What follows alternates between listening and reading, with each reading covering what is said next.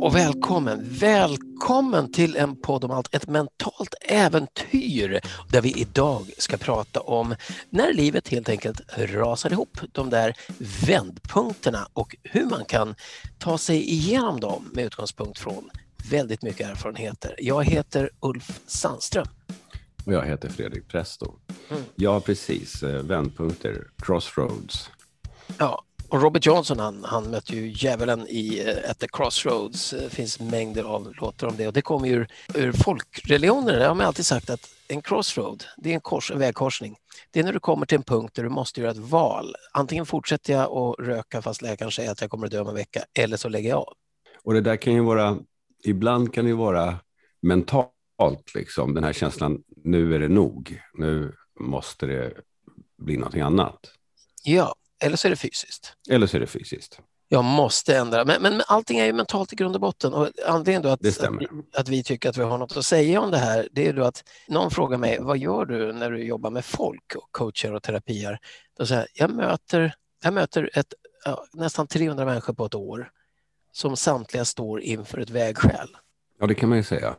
För det är då man behöver coach eller terapi. Men, ja, men oftast, eh, i alla fall skulle jag säga för min del, de som kommer till mig för att få hjälp har ju på, de flesta ska jag säga, har på någon nivå bestämt sig för att de vill ha en förändring, för annars skulle de inte komma och betala pengar för det. På någon nivå har de bestämt sig och på någon, på, eh, på någon nivå kan de fortfarande inte ha bestämt sig. Det Absolut, säga, det håller jag med eh, jag, jag, vill, jag vill att du får mig att sluta röka. Det är, liksom, det är inte jag vill sluta röka med din hjälp, utan det är jag vill ha en quick fix där jag slipper göra något. Det eh, brukar de få. Ja, det, brukar det funka. men, men de måste ha bestämt sig, annars, går det inte. De, de, måste vara, jag brukar säga, är du redo? För ofta, jag brukar, i kurser brukar jag demonstrera den tekniken och då, då gör jag ingenting mer utan bara den tekniken som är för att ändra beteenden. Så om det är någon som till exempel säger, men jag är frivillig, jag behöver sluta röka. Då frågar jag alltid, är du redo att sluta? För annars är det ingen idé, då kommer det inte att funka om man bara gör den lilla grejen. Det finns andra saker man kan göra naturligtvis på en hel session. Men...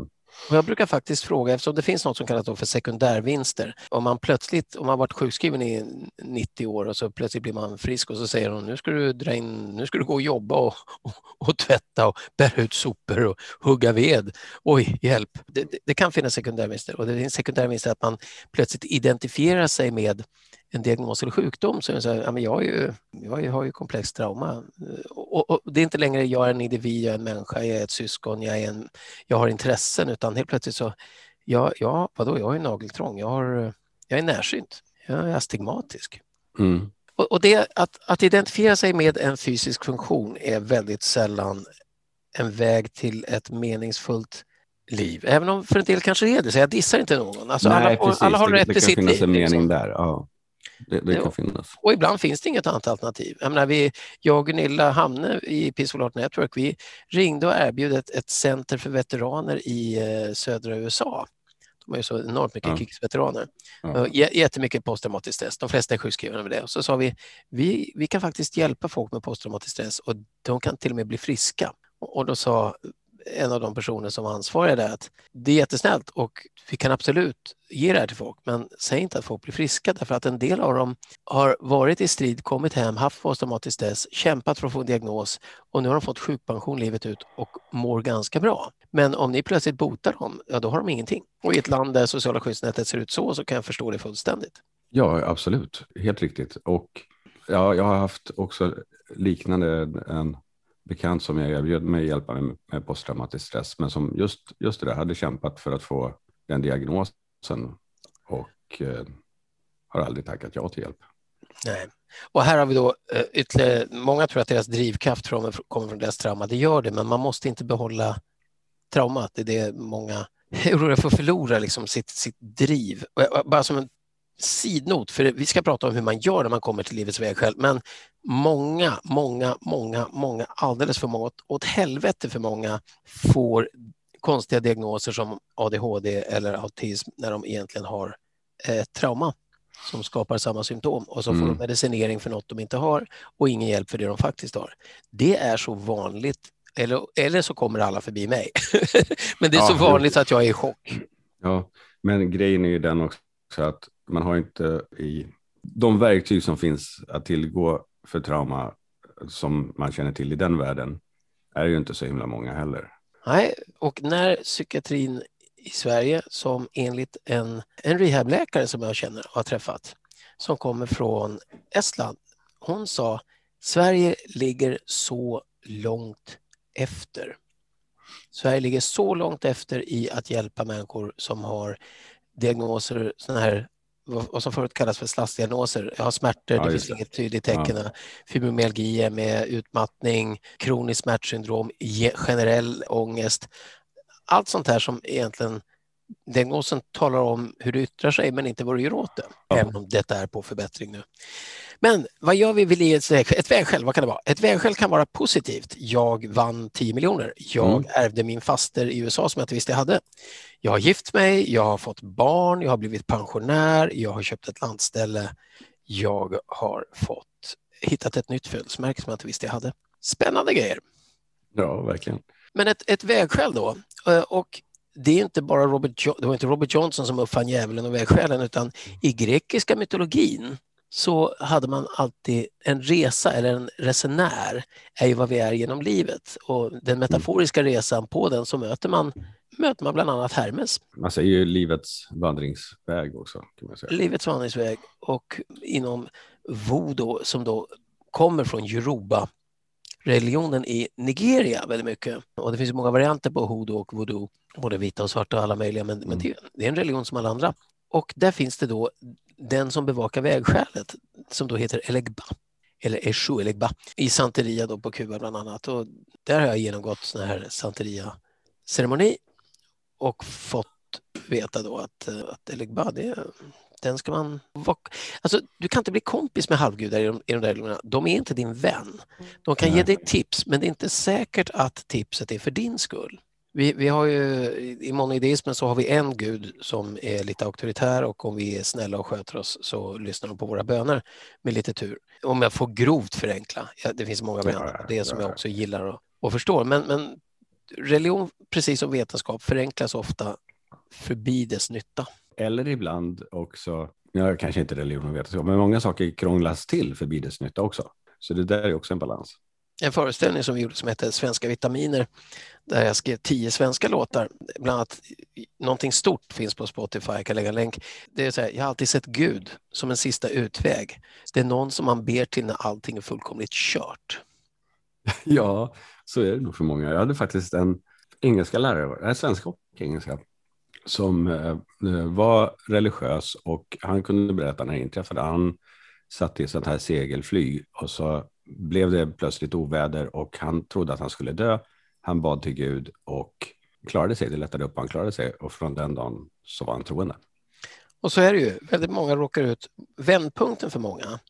Ibland kommer man till en vändpunkt, en crossroad, inifrån och ibland utifrån. Ibland är det en, mm. man överlever en krasch eller man är nära döden eller man, om jag bara klarar det här så ska jag ändra mig. Och en del gör det, en del gör det inte. En gemensam bekant till mig och Gunilla jobbade som, han övervakade knarktransporter för ryska maffian i Estland. Och han uppväxte i USA med en ensamstående mamma som var ganska tuff men snäll och mycket kärlek men tuff, tough love. Hamnar på villovägar i livet och landar där en sån här spiral som går lite för fort, tappar fotfästet och sen är man mitt uppe i det och så, så han, jag upptäckte där, där låg jag och sov med en revolver under kudden. Jag var inte rädd för att dö, jag var inte rädd för någonting. Jag hade pengar, jag hade kvinnor, jag hade respekt och fruktan. Och så en dag så går han upp och tittar sig i spegeln. Och när han ser sig i spegeln så i princip ser han sig själv som en liten pojke och så hör han hans mamma som säger Vi är bra folk. Vi gör bra grejer i den här familjen. Kom ihåg det. Och så helt plötsligt bara som genom ett trådslag så spricker det där pansaret som han har burit framför sina ögon. Och han, han sa, jag kröp ner under, under täcket i fosterställning och svettades och grät i ett antal dagar. Sen vände han. Och det där, vi har precis varit i läklabbet och, och, det har ju varit för människor som varit sjukskrivna under en lång tid. Och vad många säger, du har varit häpnadsväckande imponerande människor. Alltså, om du lyssnar på det här och är utbränd eller överdiagnostiserad, underdiagnostiserad, inte har fått hjälp, varit sjukskriven länge. Styrkan finns i dig. Det är faktiskt, mm. nu är inte jag, jag tillskriver inte någon religion mer än någon annan, men Jesus sa att styrkan finns inom dig och det är din tro som ska göra dig mm. fri. Det är verkligen så. När du tror på dig själv och får den hjälp och blir sedd så att du får det du behöver, så har du en styrka som är, jag skulle inte säga outsinlig, men den är imponerande. Och det handlar ju delvis om mentala verktyg. Vet du vad, vet du vad Mel gjorde? Hon var på väg upp på toppen där på berget. Mm, I, igår. Nej, och då hade tipset från Håkan Eliasson då och Gunilla Hamne som var ekoterapeuterna i Läklabbet, det är att man pratar inte så mycket när man går i naturen. Man, och framför allt så säger man inte hur långt är det kvar. Nej, just det. eller varför har jag skoskav? Eller varför tog jag de här skorna? Eller, eller åh, vad det ont i ryggen. Ja. Eh, och det är samma sak när man råkar ut för olyckor eller väldigt svåra val i livet eller sjukdom, whatever, liksom vad det än är. Konstatera börja med att konstatera här och nu. Mm. Så vad hon gjorde var att hon gjorde samma som flera andra hade gjort. Du säger bara den roten, den stenen.